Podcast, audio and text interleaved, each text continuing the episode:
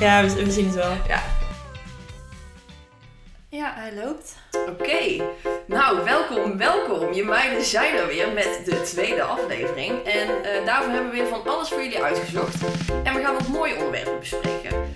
Dit keer gaat het over te sexy zijn. Eh, we bellen met een PR-expert over je groener worden dan je eigenlijk bent. En we hebben een yoga-lerares te gast in de studio die haar leven na een burn-out rigoureus omgooide. Dus dat wordt eh, spanning en sensatie. Heel interessant. Zeker. Ja, begin show. Begin show. Begin show. Begint. Nou, wat, we- er is namelijk nog iets wat we willen ophelderen. Want eh, eh, ja, we hebben allebei eh, vrij grote eh, mannelijke vriendenkring. En hun vraag was of ze dan ja, ook vragen mochten insturen. Ja. Omdat wij ons vooral lijken te richten op meiden. Eh, wat onze, de naam van de podcast natuurlijk ook doet denken. wellicht. We hebben ook goed nieuws, want wij noemen namelijk iedereen meid. Ja. Dus ook mannen en mensen met een fluïde gender mogen hun vragen naar ons sturen. Uit onze luistercijfers blijkt dat zelfs meer mannen dan meiden hebben geluisterd. Iedereen is welkom, meid. Daar gaat het om. Allemaal. Ja. Ja. Ja, en dan eh, gaan we over naar de Lieve Meiden podcast. Lieve Meiden podcast. Ja, en deze keer heeft Alex van 32 een vraag ingestuurd. Ja, en voor de Meiden podcast heeft hij zijn vraag ingestuurd als Alexia. Ja, en we kregen de vraag op welk punt verandert het kijken van een man naar een vrouw in ongepast loeren en hoe voorkom je dat? Zeker wanneer een vrouw zich sexy kleedt en hoe staan jullie tegenover dit fenomeen met het oog op de hashtag MeToo-actualiteiten? Ja, dankjewel voor je vraag, Alexia. Eh, fijn dat je meedenkt met ons. Ja. En je bent aan het goede adres, willen we ten eerste even zeggen. Ik heb het boek Women Don't Owe You Pretty, dat ik in de eerste aflevering ook heb besproken, en een artikel in Psychologie Magazine van Daphne van Pasen als naslagwerk gebruikt. En ik had ook heel erg zin om deze vraag eh, te beantwoorden, want het past wel in mijn straatje. En als antwoord op je vraag, ik denk dat alles valt of staat met toestemming. Eh, kijk je naar een vrouw en merk je aan haar non-verbale communicatie dat het welkom is. Nou, super. Misschien ben je wel aan het flirten. Oeh. Eh, ja, je weet het niet.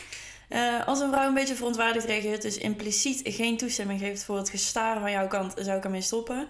Eh, maar dat had je waarschijnlijk ook al bedacht. Ehm, want niemand houdt van afgewezen worden of ja, ronduit ongemakkelijke situaties. Mhm.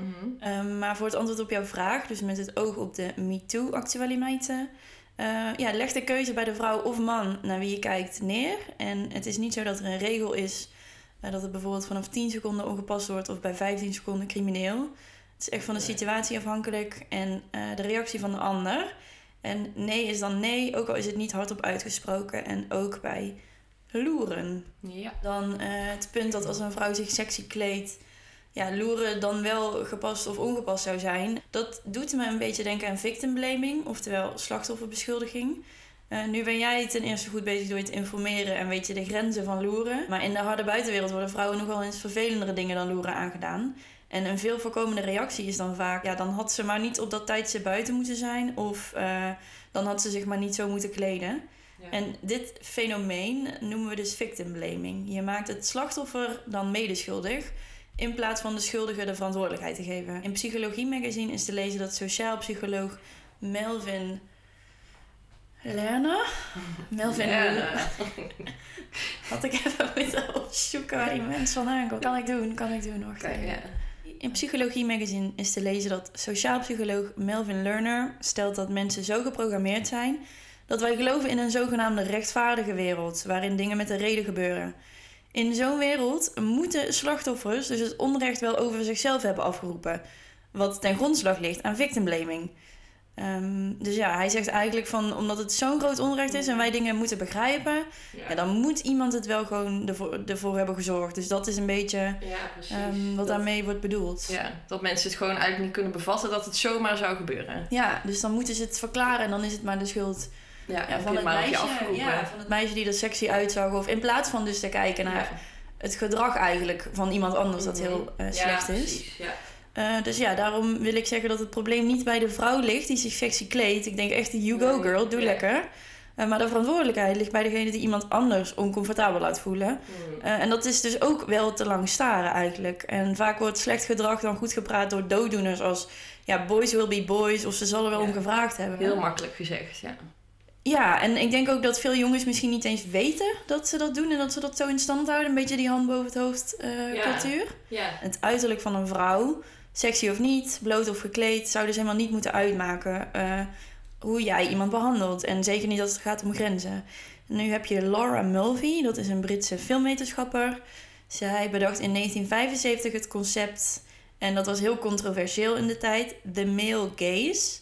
Dat beschrijft hoe vrouwen als objecten worden geportretteerd voor het plezier van het mannelijk oog in cinema en media. En als je dus denkt van nou, dit is een probleem van toen, een probleem van vroeger, dan adviseer ik je de rol van Margot Robbie in Once Upon a Time in Hollywood eens te analyseren. Haar enige doel in die rol is dus begeerlijk zijn en meer niet. Maar ja, dat is natuurlijk echt niet waar vrouwen verdienen. Het legt heel veel druk op vrouwen om er mooi of heel erg vrouwelijk uit te zien. Ja. Wil dat dan zeggen dat je niet meer van je uiterlijk mag genieten? Nee. Eh, als je merkt dat het welkom is wat je doet, lekker loeren. Als je ziet dat haar wenkbrauwen ook omhoog gaan of dat... eh, ja, nou ja, goed. Je zult dat zelf ook wel opmerken. Je bent ook niet van gisteren. Nee. Maar het gaat dus echt om, om goede intenties. En, Ja. eh, blijf gewoon een beetje bewust, inderdaad. Nou, nou, nou vond ik een goeie. Alexia, ik hoop ook dat dit geldt als een antwoord voor jouw vraag. Dat je helemaal satisfied bent. Ehm, ja, ik denk dat je dat wel eh, lekker hebt gedaan, Maaike. Heel erg bedankt. Dankjewel, Perla. Fijn dat we elkaar ook zo eh, ondersteunen. Ja, echt hè? Supporten. We hebben het nu over inderdaad eh, sexy zijn. Dat sommige mensen denken van, oh, je roept op je af, want je bent te sexy. Nou, dat sluit mooi aan bij ons actualiteitje. Dit is het actualiteitje. Nog één keer? Ja. Dit is het. Nou, gaan door naar iets wat inderdaad goed aansluit op het onderwerp van de male gaze. Eh, we bespreken een Belgische psychologe die uit haar beroep is gezet omdat ze te sexy zou zijn. Nu is Kaat, Kaat Bolle, om wie het gaat, al meerdere malen door de mediamangel gehaald. En heeft elke krant en tijdschrift het er eigenlijk al over gehad. Eh, ja, het zou niet moeten kunnen in deze tijd dat een psychologe uit haar beroep wordt gezet vanwege een paar blote benen en lingeriefoto's op haar Insta-profiel. In een artikel van het AD eh, stond dat het gaat met name om het plaatsen van kunstzinnige naaktfoto's, een burlesque show, reclame maken voor een pornofilm en een webshop met erotische artikelen. Ook het feit dat Bolle in beroep ging kan de tuchtraad niet waarderen. Eh, zo quote ik. Zo wordt de waardigheid van het beroep aangetast en ontstaat imagoschade. Nou, ze heeft dus inmiddels ook haar licentie eh, ingeleverd. En ja, haar gaat het om de waardigheid van het verhaal. Seksualiteit is niks geks en je zo uiten in je privé-tijd is al helemaal niet raar.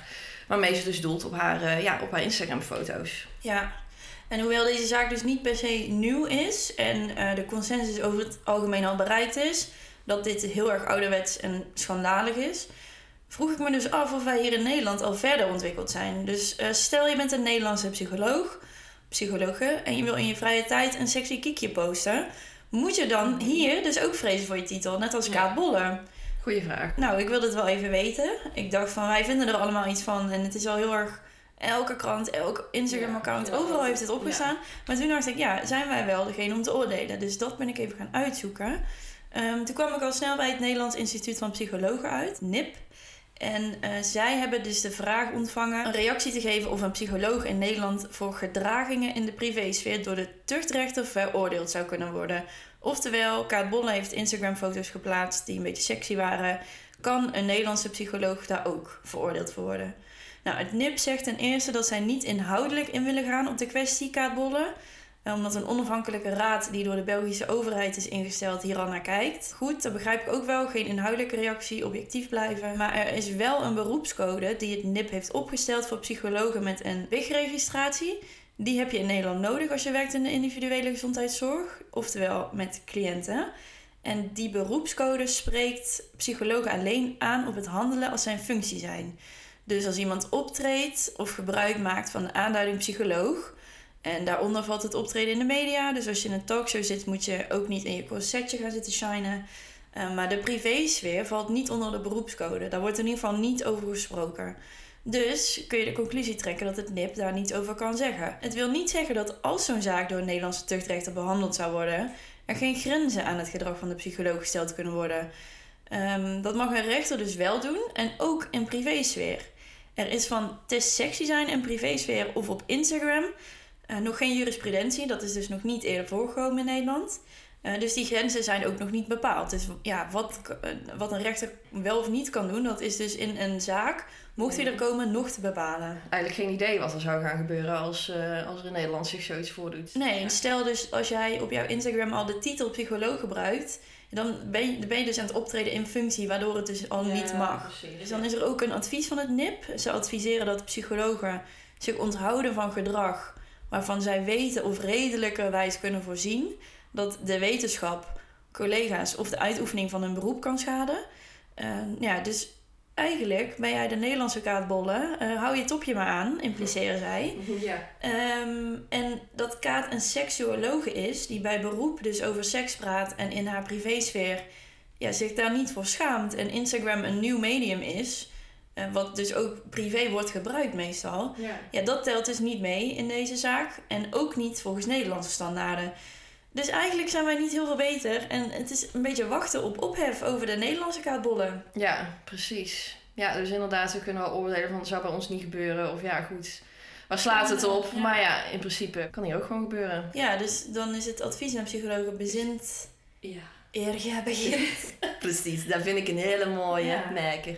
Ja. goed, ga ik even een eh, ja, soort van bruggetje bouwen. Lekker bruggetjes slaan. Lekker, lekker bruggetje slaan. Eh, want eh, over een beter land of een betere wereld gesproken, wat wij dus dan niet zijn in vergelijking met België in dit opzicht. Ja, in dit geval. In dit geval, ja. Zeg maar qua wegenbouw en qua eh, huizen zeker dus- wel. Ja, zeker. Als je de grens overgaat, dan merk je meteen aan de weg van oef, Ja, dit is België. Ja, maar goed. ehm, ja, dus inderdaad over een beter land of een Ja, betere ja, wereld gesproken. Om nou weer even terug te Ja, komen. Eh, want ja, hoe goed zijn bedrijven of organisaties eigenlijk echt?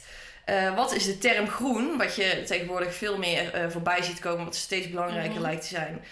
Ja, wat is die term nou eigenlijk nog waard? Eh, ik wil het namelijk graag hebben over greenwashing. Misschien heb je er al eens over gehoord, maar greenwashing is een term die gebruikt wordt om aan te geven dat bedrijven of organisaties zich duurzamer of ja, dus groener voordoen dan dat ze daadwerkelijk zijn. En de grote vraag van deze week luidt dan ook als volgt. Grote vraag van deze week. Hoe werkt greenwashing en hoe ga je ermee om? Nou, daar, eh, daar ben ik ingedoken. Eh, en ja, daaruit blijkt dat we greenwashing onbewust overal tegenkomen. Eh, ik heb een artikel gevonden van energieplatform Van de Bron. En daar noemen ze wat voorbeelden. Bijvoorbeeld, producenten van etenswaren verpakken hun onveranderde producten plotseling in karton. Dus dan, ja, goed, dan ziet het er meteen duurzamer uit van, oh ja, nou, dan ben ik Ja. goed bezig. Ja. Eh, reisbureaus adverteren met zogenaamd duurzame vliegreizen naar de andere kant van de wereld. Wat natuurlijk gewoon niet kan. En vervoersbedrijven roepen trots biobrandstof te gebruiken zonder erbij te vermelden dat het slechts om een klein deel van de brandstof gaat. En dan vond ik ook nog leuk om even te vermelden dat, eh, ja, dat hoe lang greenwashing eigenlijk al bezig is. Of ja, voor mij voelt het een beetje iets van de laatste tijd. Ja. Eh, maar de McDonald's heeft dus in 2009 zelfs hun logo-kleur veranderd van rood naar groen. Ja. Voor een milieubewuster imago. Klopt, ze hebben inderdaad ineens Ja, al die, die rode dingen waren weg en het was ineens zo'n bijna zo'n Ja, zo'n maar- Starbucks-achtige. ja, precies. Zo'n groene- Starbucks vibe. Ja. En eh, eh, ook allemaal plaatjes van tomaten in de restaurants. En eh, groen, groen, groen plantjes. Ja, oh. eigenlijk zit je gewoon een ranzige Big Mac in je te duwen. ja, er zit echt niks goeds in gewoon. Nee. Nee, precies. Dus eh, nou, dat is een heel mooi eh, voorbeeld eh, van greenwashing. Nou, toen ben ik dus eh, een beetje rond gaan bellen. En ik kwam uit eh, bij Marianne Leeuwen. Eh, daar heb ik mee gesproken. En zij houdt zich bezig met digital en sustainable innovation. Mhm. Ehm, ja, en ik vroeg haar naar haar mening over greenwashing. En het ergste voorbeeld eh, vond ze de campagne van Shell, Ja. Rij CO2-neutraal. Eh, ja, dat gaat voor haar gevoel echt de kant op van de boel bedonderen. Shell is namelijk een van de grootste vervuilers van de wereld. Ja. Ze pompen fossiele brandstoffen op die eh, behoorlijk wat CO2 uitstoten. En ze willen dat compenseren met bomenplanten in Indonesië. Die op zijn tijd ook nog wel eens in de brand willen vliegen. En dus voor Oh, flinke bosbranden zorgen. Dus ja, ga er maar naar wat de, wat de impact is. Mhm.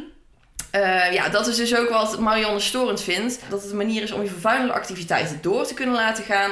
Eh, zolang je dan maar ergens anders een boom Ja, plant. ik herken het zelf ook wel. Ik had dus vorig jaar wel een lange vlucht eh, gemaakt. Mhm. En daar voelde ik me ook wel een beetje rot over. Want je weet dat als je naar een ander continent vliegt, dat dat niet best is. Ja. Eh, maar toen heb ik dus wel 3 euro aan KLM bijbetaald. om mijn vlucht duurzamer te maken. Ja. Maar ja, toen dacht ik, je kan toch niet voor 3 euro.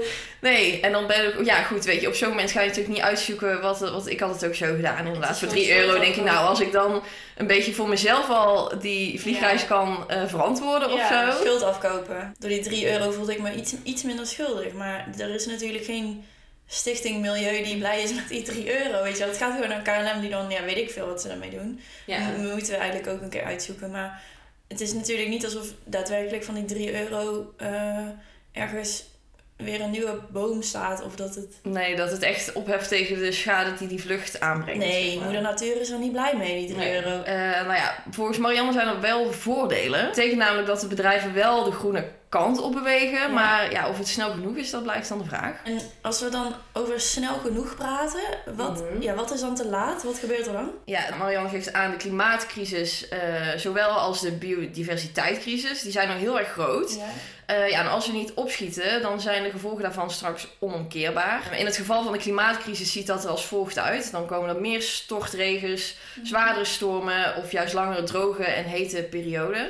Apocalypse. Ja, precies. En Nederland eh, specifiek is extra kwetsbaar voor overstromingen, omdat ons land Ja. voor een groot deel natuurlijk onder de zeespiegel ligt. Eh, ja, en de aanleg van hogere dijken is heel kostbaar. Ook eh, kan klimaatverandering leiden tot een tekort aan drinkwater of voedsel. De gevolgen die heb ik gevonden op de site van de Rijksoverheid, beschrijven ze dat. Mhm. En dan heb ik ook nog in een artikel van het Parool eh, gevonden dat ja, voor de biodiversiteitscrisis betekent dat het uitsterven van dieren. Waardoor er ja, verstoring komt in ecosystemen en de wereld uiteindelijk ja, steeds minder leefbaar wordt. Dus ja, dat we de aarde eigenlijk echt een beetje aan het ehm, Mhm. ja, vernietigen zijn op die manier. Dus dat is het scenario van als we te laat zijn. Ja. Maar wat kunnen we dan doen volgens Marianne om het wel snel genoeg te laten gaan? Ja, nou wat ze sowieso vindt is dat de overheid op dit moment moet ingrijpen. Ja. Ja, zij zijn eigenlijk de enige met de macht om die maatregelen te stellen Mhm. waar bedrijven zich dan hoe dan ook aan moeten gaan houden. En dan waarschijnlijk ook doen. Eh, want ja, al- ja, goed, als je dat aan iemand zelf overlaat en er is natuurlijk ook heel veel financiële, eh, ja, er komt natuurlijk heel veel bij kijken om Ja. Ja, daarin veranderingen aan te brengen in je, bedrijf. Zeker als het heel erg vervuilend is op dit moment. Mhm. En dan alles moet omgooien Ja. ehm, ja, om groener te worden. Eh, dus dat is logisch. Maar ja, met het stellen van die regels door de overheid zou dat sneller kunnen gaan. Omdat er dan ook natuurlijk meer euro's voor zijn. Dat een bedrijf niet alleen zijn eigen Ja, euro's erin moet stoppen. Ja, precies. Daarin heeft de overheid gewoon een grote rol en zou die Ja. ook moeten nemen. En daarnaast eh, zegt Marianne dat het vervangen van dierlijke eiwitten, zoals melk en eh, vlees uit de supermarkt, eh, door plantaardig voedsel een grotere impact hebben dan ratingsystemen, zoals het beter levensstijl, wat we nu veel zien. Mhm. In ieder geval in het geval van dierenwelzijn, maar ook op het gebied van biodiversiteit en het klimaat. Eh, Marianne legde mij namelijk uit dat wat er nu gebeurt, is dat wij eiwitrijk voer aan de dieren geven. Die worden geslacht eh, en vervolgens eten wij ze op om die eiwitten tot ons te nemen. Ja.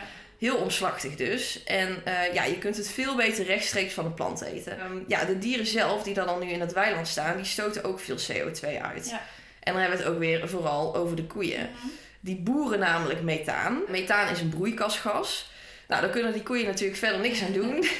Arme beestjes, ja, boer niet, houdt in. Nee, dat kan natuurlijk niet. Nou, die hele biodiversiteitscrisis is volgens Marianne heel erg. Ja, het beste wat je kan doen voor het klimaat is vegan worden, volgens Marianne. Want dat heeft echt de allergrootste impact. Ja, dan zie je dat welke vorm van vervanging je ook kiest. Dus in ieder geval als je van eh, dierlijke eiwitten naar plantaardig gaat. eh, ja, dat het plantaardige in elk geval altijd minder belastend is eh, voor het milieu. Ja, daar hadden we vorige aflevering natuurlijk ook al een beetje in gedipt. Dit groene sausje. Omdat we toen Mhm. gingen kijken naar kinder, eh, wat dat met uitstoot doet. En toen was Ja. het ook... Een van de bevindingen is dat veganistisch ja, eten wel echt heel veel uitstoot Echt heel scheelt. veel doet. Ja, Dus dat dat een snelle stap is die jij zelf kan maken. Maar dan krijg je ook een beetje de discussie, misschien ehm, waar bijvoorbeeld Rutger Brechtman een tijdje geleden een artikel over heeft geschreven. Van, het is heel makkelijk om te zeggen, het vlees ligt toch al in de, in de schappen, in de Ja, de, koe is toch ook de koe is al dood. Of, Het zou eh, zonde ja, zijn om dat dan niet op te eten. hoor. Ja, of als, eh, als ik nu stop, dan maakt het helemaal niks uit in het grote geheel. Maar wat Rutger Brechtman dus zegt, en ik denk Marianne ook, Mhm. eh, het maakt wel uit. Het scheelt Ja. al heel veel. Ja, zeker. Dat zegt ze ook. Van ja, weet je, het is. eh, ja, je kan er zo moedeloos van worden. Hè? Weet Ja. je, die problemen zijn zo groot. Ja. En in je eentje kan je dan niet zoveel voor je gevoel. Ja. Eh, maar ze gaf als voorbeeld dat in de VS een paar procent van de bevolking, en dat is natuurlijk op veel grotere schaal dan Nederland, Mhm. eh, maar dat die gestopt is met het eten van melkproducten. Ja. En dat daardoor echt wel wat dairy farms, zeg maar, failliet zijn gegaan. Dus het heeft wel degelijk impact wat Ja. je doet. En nu hebben we dan een beetje een detour gehad naar ja, de klimaat- en biodiversiteitscrisis. Ehm, maar misschien goed om nog wat dieper in te gaan op het fenomeen greenwashing. Ja. En eh, om beter te snappen hoe die trucjes van bedrijven dus werken, eh, spreken we zo meteen met PR-guru Jennifer Delano.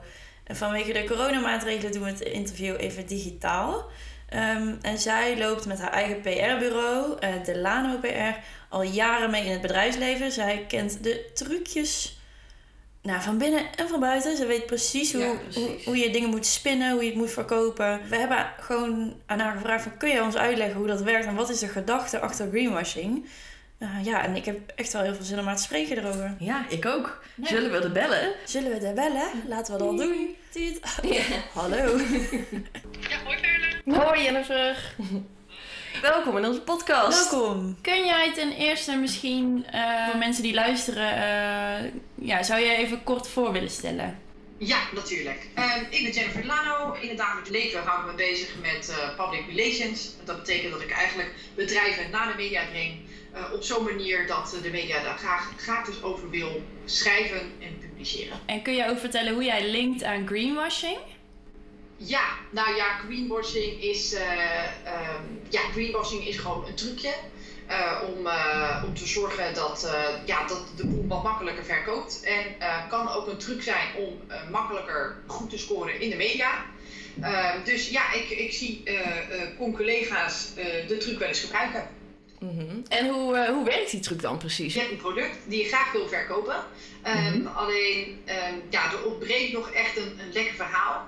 Dan gaat de marketeer, die gaat er naar kijken, eh, bouwt er een eh, verhaal omheen. En denkt dan, ja, dat groen, als ik een beetje zeg dat het eh, of heel gezond is, of dat het heel duurzaam is, of dat de wereld ermee geholpen wordt, wat tegenwoordig heel erg hip is. maar ook steeds belangrijker is voor, voor heel veel mensen, dan verkoopt Mhm. het beter. Dus kom, we gooien een, eh, een klein percentage aan, eh, weet ik veel, iets met, met, met vitamine C erin. En dan roepen we, nou, eh, dit, als je dit drinkt, dan heb je dosis vitamine C te pakken. Nou ja, voor de rest is het één groot suikerdrankje, zo'n product. Ja. Maar goed, met een juiste verpakking proberen we dat toch dan op, op deze manier aan de man te brengen. ja, precies. Eh, en ehm, ja, als consument, hoe kan je het eh, herkennen? We worden natuurlijk besodemieterd waar wij staan. het is natuurlijk niet makkelijk om dat te herkennen. Nee. Wat we moeten doen om te zorgen dat we hier vanaf komen, is gewoon meer transparantie, eis van bedrijven, eis van bedrijven, dat we gewoon eerlijk vertellen hè, wat, wat we nou zitten te kopen hier. We Ja. moeten als consument gewoon echt bewuster zijn en gewoon meer vragen stellen. Ja, en, en de overheid die, die mag zich echt gaan buigen over wat, eh, wat wetten. Ja, ik vroeg me net ook af, jij noemde dat voorbeeld van het eh, drankje en dan de vitamine C. Maar ik vroeg me af, kan dat zomaar? Kun je zomaar greenwashen? Nou, het hele probleem is, eh, ja, dat kan zomaar. Want eh, met, als je een goede marketeer hebt, het ethisch kader toch niet helemaal op de juiste plek. Dus die vindt het niet zo erg om de boel te besodemieteren. Ja. Dan, eh, ja, dan, dan kan je gewoon zeggen, als je dit drinkt, dan heb je zoveel procent van je vitamine C binnen. Want je hoeft in basis daarmee niet te liegen. Greenwashing is gewoon dat je ook gewoon heel veel weglaat. Eh, er wordt natuurlijk wel eh, nou, steeds meer op gecontroleerd. Maar goed, eh, het zijn vaak wel producenten met dikke zakken en een- van een boetetje ook niet zoveel aantrekken. Precies. Dus ja, we hebben, we hebben als consument hier wel wat in te doen. Ja, want er Ja. zijn natuurlijk wel wetgevingen zoals EFSA die dan echt op dat eh, food eh, Ja. controleren. Maar jij zegt eigenlijk, als je gewoon een grote zak geld hebt, dan kun je dit gewoon doen. Nou ja, goed, eh, dat is het hele ding. Hè? Wanneer uh, besodemieter je de boel en, en wanneer heb je gewoon iets verzwegen. Hè? Ligt die grens? een grijze Ja. ruimte.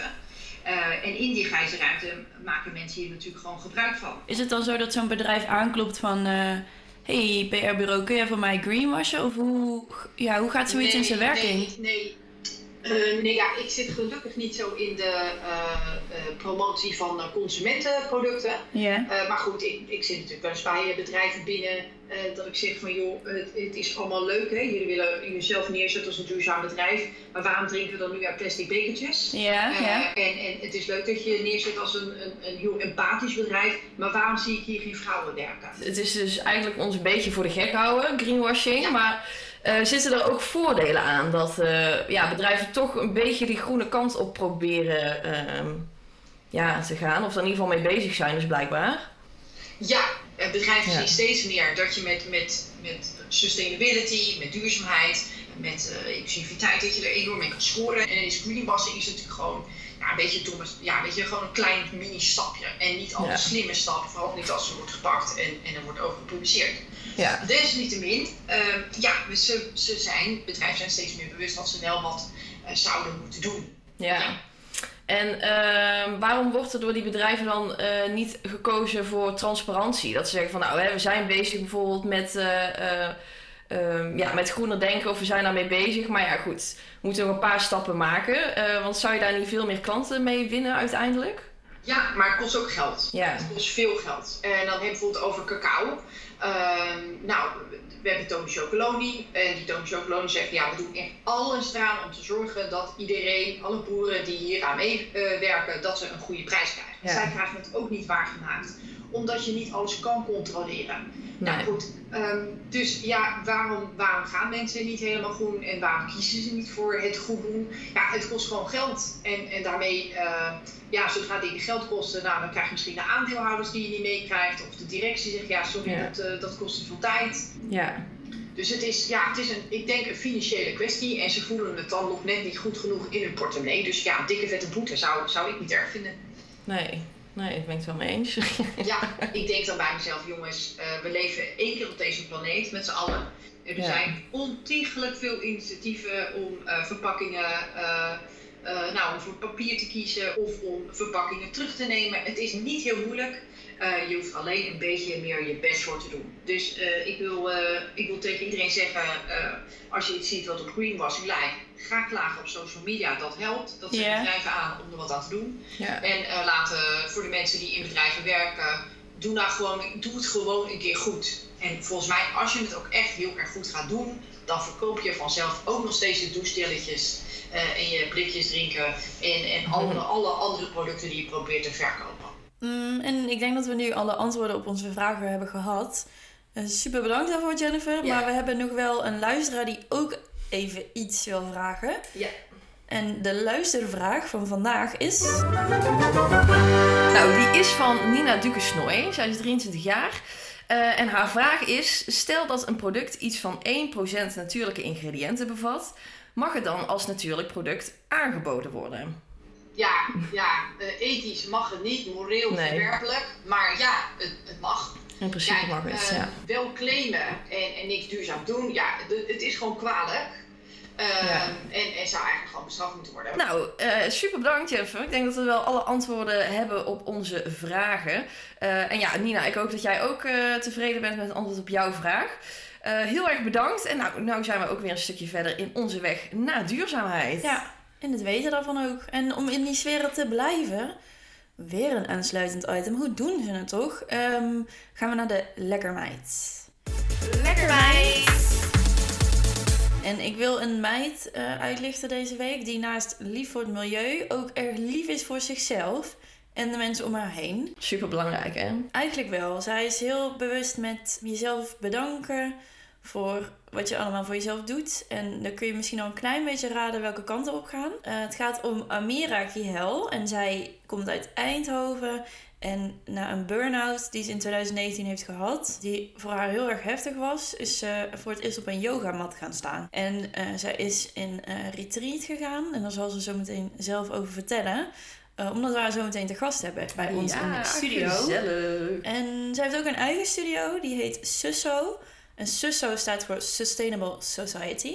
Die heeft zich geopend in Eindhoven, volgens mij een jaar geleden. En ehm, wat ik bedoelde met bewustzijn en bedanken voor kalmte. Zij geeft daar yogales. Maar het is meer dan dat. En uh, nou, ik wil wel horen wat, het, wat er nog meer aan is dan. Dus ja, zeker. Ik ben heel benieuwd. We hebben haar uitgenodigd. Ja, welkom Amira. Welkom. ja. Amira, we hebben elkaar ontmoet in de kroeg. Ja. Waar we toen allebei werkten. Jij achter de bar. Mhm. Maar dat is ook de kroeg waar jij een burn-out hebt gekregen. Ja, dat is wel de uiting van mijn, van mijn burn-out. Dus uh, daar uiteindelijk uh, heeft daar plaatsgevonden. Nou is het niet zo dat de baan Mhm. ervoor gezorgd heeft dat ik eh, de burn-out heb gekregen. Maar het is wel daar tot uiting gekomen. En gelukkig ben ik daar ook heel goed opgevangen. Eh, en heb ik eh, vervolgens tijd voor mezelf kunnen nemen, therapie kunnen, kunnen volgen. Ehm, en natuurlijk zijn er dingen die daar getriggerd werden, die uiteindelijk Ja. de druppel waren. Uiteindelijk, achteraf kan ik zeggen dat ik heel blij ben dat het gebeurd is. Want het is best wel een, een eh, grote ja, kanteling, denk ik, van, van eh, achter de bar werken naar wat je nu doet. Zeker, ja. Ik kwam in, in de burn-out terecht. En, ehm, of in ieder geval, hij werd voor mij zichtbaar. En toen ehm, ben ik in eerste instantie naar de huisarts gegaan. Vanuit daar word je doorverwezen naar de POH, dus de praktijkondersteuner. En toen heb ik aangegeven dat mijn, mijn persoonlijke leven en mijn, mijn werk heel erg met elkaar verwoven waren. Dus wilde ik weg in therapie. Dus ik wilde, of ja, weg uit Nederland. Of in ieder geval weg uit mijn omgeving voor, voor therapie. Omdat ik wist dat vaak wordt je dan aanbevolen van ga leuke dingen doen. Of ga... ehm, maar de leuke dingen die ik wilde doen, bijvoorbeeld op stap gaan of een, een bandje kijken, Ja. of die waren eigenlijk altijd ook op de plek waar ik op dat moment Ja, werkte. ja. En daar werd ik dan weer getriggerd met alle dingen die ik niet wilde op dat Mm. moment. Dus toen, via een, eh, een hele goede vriendin van mij, die heeft zelf ook therapie gehad op de plek waar ik ook therapie heb gehad. Eh, die heeft me eigenlijk eh, richting Spanje geschopt, samen met ehm, Vamos. en toen ben ik dus naar Spanje gegaan en daar heb je, heb je echt een ontzettend druk programma. Dus eigenlijk zit je op, ja, op een plek mentaal waar je heel weinig kan en absoluut geen Mhm. energie hebt. En vervolgens moet je eigenlijk weer van 9 tot 5 gaan werken eh, in het programma. En in dat programma zaten dus ook drie yogalessen in de week. Na de eerste yogales was echt, dat was echt een heel vreemd gevoel. Maar ik, ik ben echt een, een piekeraar en ik denk ontzettend veel. En eh, nu een stuk minder. Maar toen heel erg. Zat ik heel erg in mijn hoofd. Weinig connectie met mijn lichaam. En ik kwam uit de eerste yogales en het was voor het eerst in jaren was het, was het stil in mijn hoofd. En vervolgens, een paar weken later in het proces, zat ik heel erg met... Oké, dan weet je je automatische patronen, dan weet je wat je knelpunten zijn. En dan moet je dat gaan voelen en dan moet je daar doorheen. En daar heeft de yogales ook heel erg bij geholpen. En ehm, heeft de yogadocent daar, Anouk, ook ontzettend erg geholpen met mij daar doorheen krijgen en echt ehm, gevoel te laten zijn. Dus toen lag ik echt als een, als een klein jankend kind lag ik in die yogales. En af en toe zo hard huilend dat het dan degene naast me aanstak om ook te gaan huilen. Domino effect van, van van De ja. we weten nog goed, toen zaten we, wij hadden, waren de eerste groep. En na ons was de tweede groep met, met die daarna dus yogales hadden. En ehm, ik kwam uit de les en helemaal vol met tranen. En Ja. zo... er gebeurde van alles. En die mensen keken echt zo... Wow, wat- gaan we vandaag Ja. doen? Want, ja, dit was niet de bedoeling. Ik was sowieso daarvoor ook al geïnteresseerd in yoga. Ja. Maar dat was eigenlijk de kans om het ook gewoon te doen. En daarna wist ik eigenlijk ook van... Dit doet zoveel met mij dat ik dit eh, wil blijven doen vanuit daar ook in Eindhoven, toen ik weer terug was van therapie, toen zag ik de opleiding die de yoga studio in Eindhoven aanbood. En die ben ik in eerste instantie gaan doen, eigenlijk om mijn eigen yoga eh, proces te verdiepen. Niet Mhm. per se om, om les te gaan geven. Maar uiteindelijk vond ik het lesgeven en, en het lesgeven ja, aspect daarin ook ontzettend interessant. En dacht ik, waarom ga ik gewoon niet iets doen wat ik ontzettend leuk vind en wat mij energie geeft. En eh, ga ik dit voor mezelf gewoon opzetten wat ik altijd eigenlijk heb willen doen met alles wat ik doe in mijn leven, is dat ik gewoon een, een positieve bijdrage wil leveren aan, aan de maatschappij. Op welke manier dan ook. En ik denk dat dat in bijna alles wat, wat mensen doen kan. Toen ben ik gaan brainstormen met mijn vriend. En toen kwamen we uiteindelijk op Sustainable Society daar een, afkorting van. Dus toen werd het SUSO. Dus uiteindelijk is dat hetgene wat het overkoepelende, het grote overkoepelende concept is. En wat we uiteindelijk heel graag willen is eh, een stuk grond kopen en daar de mogelijkheid creëren om allerlei dingen te organiseren eh, waar mensen naartoe kunnen komen om eh, te werken aan hun persoonlijke proces. Super vet. Heel gaaf. Dat is wel een, een persoonlijke toekomstvisie, Ja, een persoonlijke droom. En ik kan nu wel dagdromen over waarvan ik wil dat Susso over vijf jaar of over tien jaar is. Maar ik denk ook dat je een beetje, ja, klinkt misschien ook heel erg yoga, maar een beetje vertrouwen moet hebben in het universum. En Ja. waarvan ik nu misschien wil dat het over vijf jaar is. Misschien komen er hele andere kansen op mijn pad, waardoor het er ontzettend anders uit gaat zien. Dus Ja. ik hecht me niet zozeer nu aan een bepaald beeld waar het moet gaan zijn. Eh, ik heb eerder doelen bijvoorbeeld voor dit jaar of zo. Of Ja. dat, ik, dat ik denk van oké, Mhm. hoe kan ik dat stuk grond gaan realiseren? Ja. precies. Ja, Ja. In het kort. Ja, precies. Dus daarmee een beetje die burn-out overwonnen eigenlijk. Mm, ik denk dat yoga een... Een hulpmiddel was. Ja, ik denk dat het een middel is. Het was echt een combinatie daar. Dus Ja. je hebt individuele therapie, je hebt groepstherapie, kooklessen Ja. eh, en yoga. Dus het is echt een combinatie van alles. Ik denk zonder de inzichten in de individuele therapie, Dat is yoga ook anders. ehm, ja, Ja. maak je ook minder Ja. snel connectie misschien met hetgeen wat in de yoga naar boven komt. Of leg je die linkjes niet. Als ik zelf op mijn mat sta, probeer ik het echt te benaderen als een bewegende meditatie. Ja, ik denk als het over, over yoga gaat, dat, dat het nu ontzettend hip is ook, denk ik. Ja, dat Ja, denk ik ook ja. wel. Het is een beetje een trend en een ehm, sowieso self-care en eh, self-love. En het is echt een beetje zo'n zo'n een trend. En het haalt ergens iets weg van wat yoga denk ik echt is. En wat is dat volgens jou? Volgens mij, ja, volgens, ja dat is inderdaad dan ook weer, dat valt ook weer eh, te betwisten. Maar ik denk yoga, als je het woord yoga neemt, dan betekent, eh, dan is het afgeleid van to yoke. Dus dan, het is één brengen. Dus meestal wordt het vertaald als union of, of eenheid. En er zijn ontzettend veel vormen van yoga tegenwoordig. Je hebt power yoga, vinyasa yoga, Mm. ashtanga yoga, yin yoga, kundalini yoga. Je hebt echt van alles.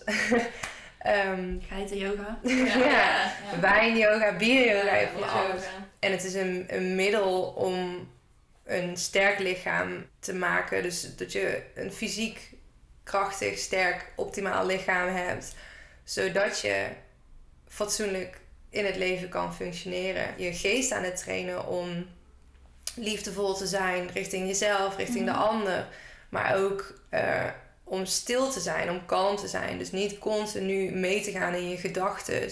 Ja. En ehm, echt de rol van observant aan te nemen en vanuit daar te handelen. Van, vanuit je diepe onderbuikgevoel en je, je diepe ik. Om, om vanuit daar je leven te leiden. In plaats van alle externe factoren die ervoor bepalen wat je, wat je moet of wil. Of, Mhm. of, en vanuit je ego handelen. Dus het gaat denk ik niet zozeer om... Oh, leuk, ik doe yoga. Want het is, Ja, maar het is echt een... Amsterdamse marktclub die naar yogales gaat op donderdagochtend. Bijvoorbeeld, en als er ook een hoop tussen zitten Ja. die wel echt voor zichzelf er iets uithalen. En zolang je er voor jezelf iets uithaalt, is het denk ik goed. Ja, oh, mooi. Ik vind het heel, eh, een heel gaaf verhaal. Want Dit was jouw levensweg natuurlijk, daarin, in die Mhm. burn-out.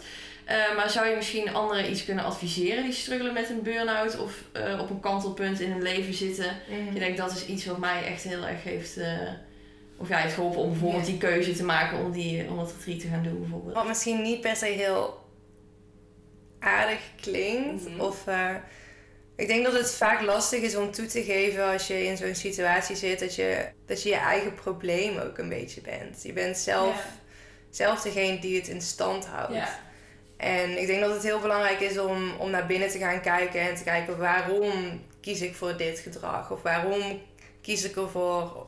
Hoe komt het dat ik me zo voel? Of hoe komt het dat ik zo onzeker ben? Of dat je daarna gaat kijken in plaats van, ja, niet per se de schuld, maar om, om buiten jezelf te gaan zoeken waarom de situatie is als dat die is. Ik denk dat dat het allerbelangrijkste is. Mhm. En ook misschien wel gewoon accepteren dat je je op dit moment niet zo goed voelt. Maar daar ook liefdevol naar kijken. Dus van, oké, ik voel me nu niet goed. Maar dat mag. Ja, En ik wil daar iets aan doen voor mezelf. En ook vanuit de yoga denk ik ook, is het een... Het leven is het proces. En je Ja. krijgt elke keer alweer een tegenslag. En dan moet je elke keer weer voelen van hoe wil ik hierop reageren. En hoe ga ik om met een lastige situatie. En als je heel bewust bent van je patronen, is het soms ook een vloek. Dat je, dat je weet wat je eigenlijk instinctief wil gaan doen. Ja. Maar dan moet je jezelf toch terugroepen van nee, dat wil ik niet doen, want het is niet goed voor mij. Nee. Ja. Dat is een mooie afsluiter, denk ik. Ja, denk ik ook. Dankjewel, Amira. Ja, gedaan. Voor je jullie inspirerende verhaal. Ja, zeker. Absoluut, dat was het, ja. Ja, mooi, dankjewel. Hij zit er weer op. Ja, dat was hij weer. Nou, ik vond het eh, hartstikke interessant en ik hoop dat jullie ook eh, ervan hebben genoten. Ja, ik ook. En Ja, laat mooi. het weer even weten als je weer zo ver bent gekomen. Bedankt ook voor de mensen die terugkoppeling hebben gegeven. Die even lekker Ja. eh, feedback hebben gegeven. Kunnen we echt goed gebruiken. Zeker wel, ja. Help ons op weg. We hebben ook nog een paar aankondigingen. Ehm, begin jij met de dienstmededelingen? Eh, nou, als eerste hebben we namelijk een nieuw e-mailadres. Wauw. Wauw, zelfs twee. Want Ja, we hebben ja. namelijk eh, twee rubrieken altijd waar ehm, of je een vraag ingestuurd kan worden. Dat is de Lieve Meiden podcast. Ja. En dat kan eigenlijk over van alles gaan. Dat maakt dus echt helemaal niet uit. En we hebben een luistervraag elke week. Elke twee weken, hè, wat ons uitkomt. Ja. Ehm, Elke aflevering. Elke aflevering, inderdaad. Elke aflevering hebben we ook een luistervraag en eh, daar hebben we ook een apart e-mailadres voor. Ja. Dus, en dat gaat dan altijd over het onderwerp waar we dan een expert voor uitnodigen of wat we zelf helemaal hebben uitgedokterd. Grote vraag, ja. Ja, en dat, eh, dat delen we dan altijd op de socials.